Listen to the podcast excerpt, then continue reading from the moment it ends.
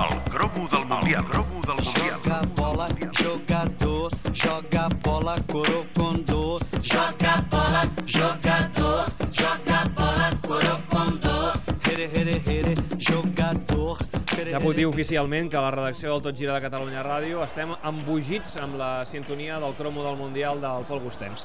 Pol, bona tarda. Hola, David, bona Eh, tarda. deixem l'ambient obert d'aquest partit entre Brasil i Xile per saber si hi ha qualsevol jugada, qualsevol acció eh, que haguem de destacar, però fem un cop d'ull al nostre àlbum del Mundial. Avui el cromo ens porta a l'estadi de Maracanà, correctament al Brasil, l'any 1950, i concretament per parlar del capità del Maracanazo. Exacte, del negro jefe Obdulio Varela, al Mundial del Brasil del 50, posa fi a 12 anys d'espera de la FIFA sense poder organitzar-ne cap.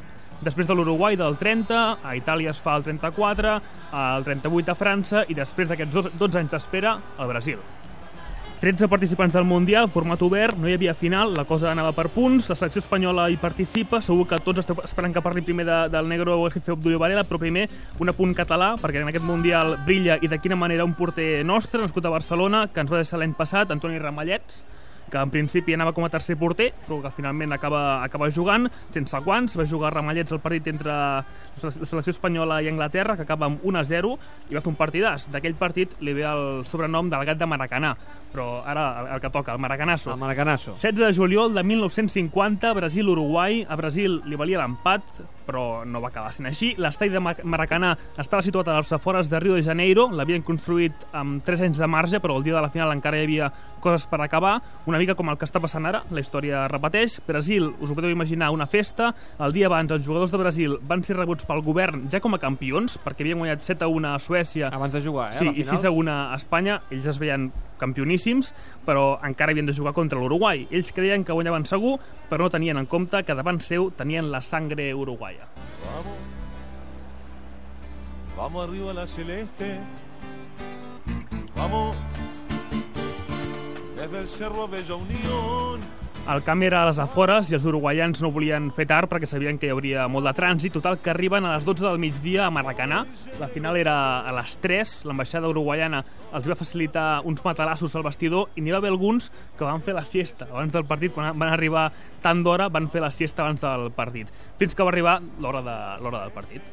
Nesse primeiro tempo, enquanto nós ficaremos com a defesa brasileira e o ataque uruguai. Movimentou Ademir para Jair. Aquest és l'ambient de Maracanà, inici del partit. Recordem que els valia l'empat al Brasil, l'1-0, eh, bueno, que els valia l'empat, eh, per tant, era molt complicat pensar que, que Uruguai podia fer-los eh, fer tremolar i finalment eh, fer el que fan.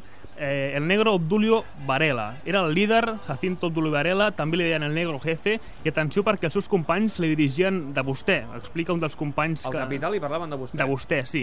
Uh, amb el déu de Brasil, amb Jair, va caure al terra durant el partit simulant una falta i Obdulio el va agafar pels cabells per tornar-lo a posar d'en peus i n'hi va arrencar alguns fins i tot.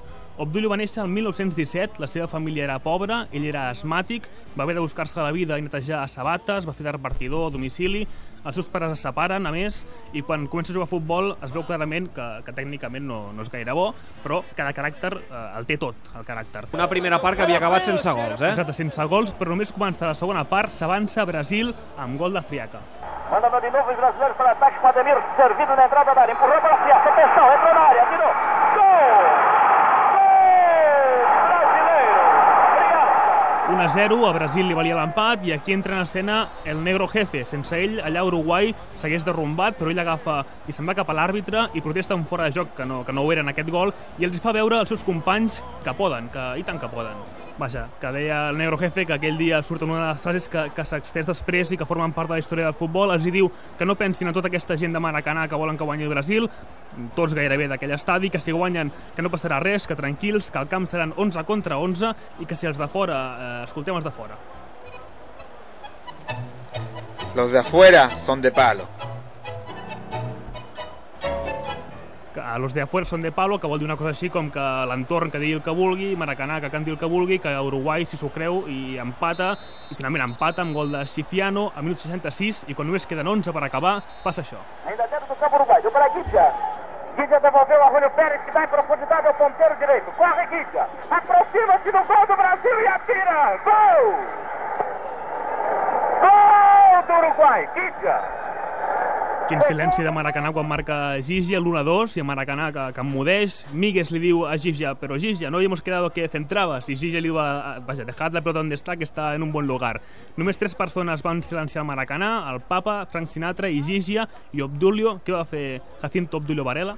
Negro jefe, paladín de la victoria, formidable centrocal.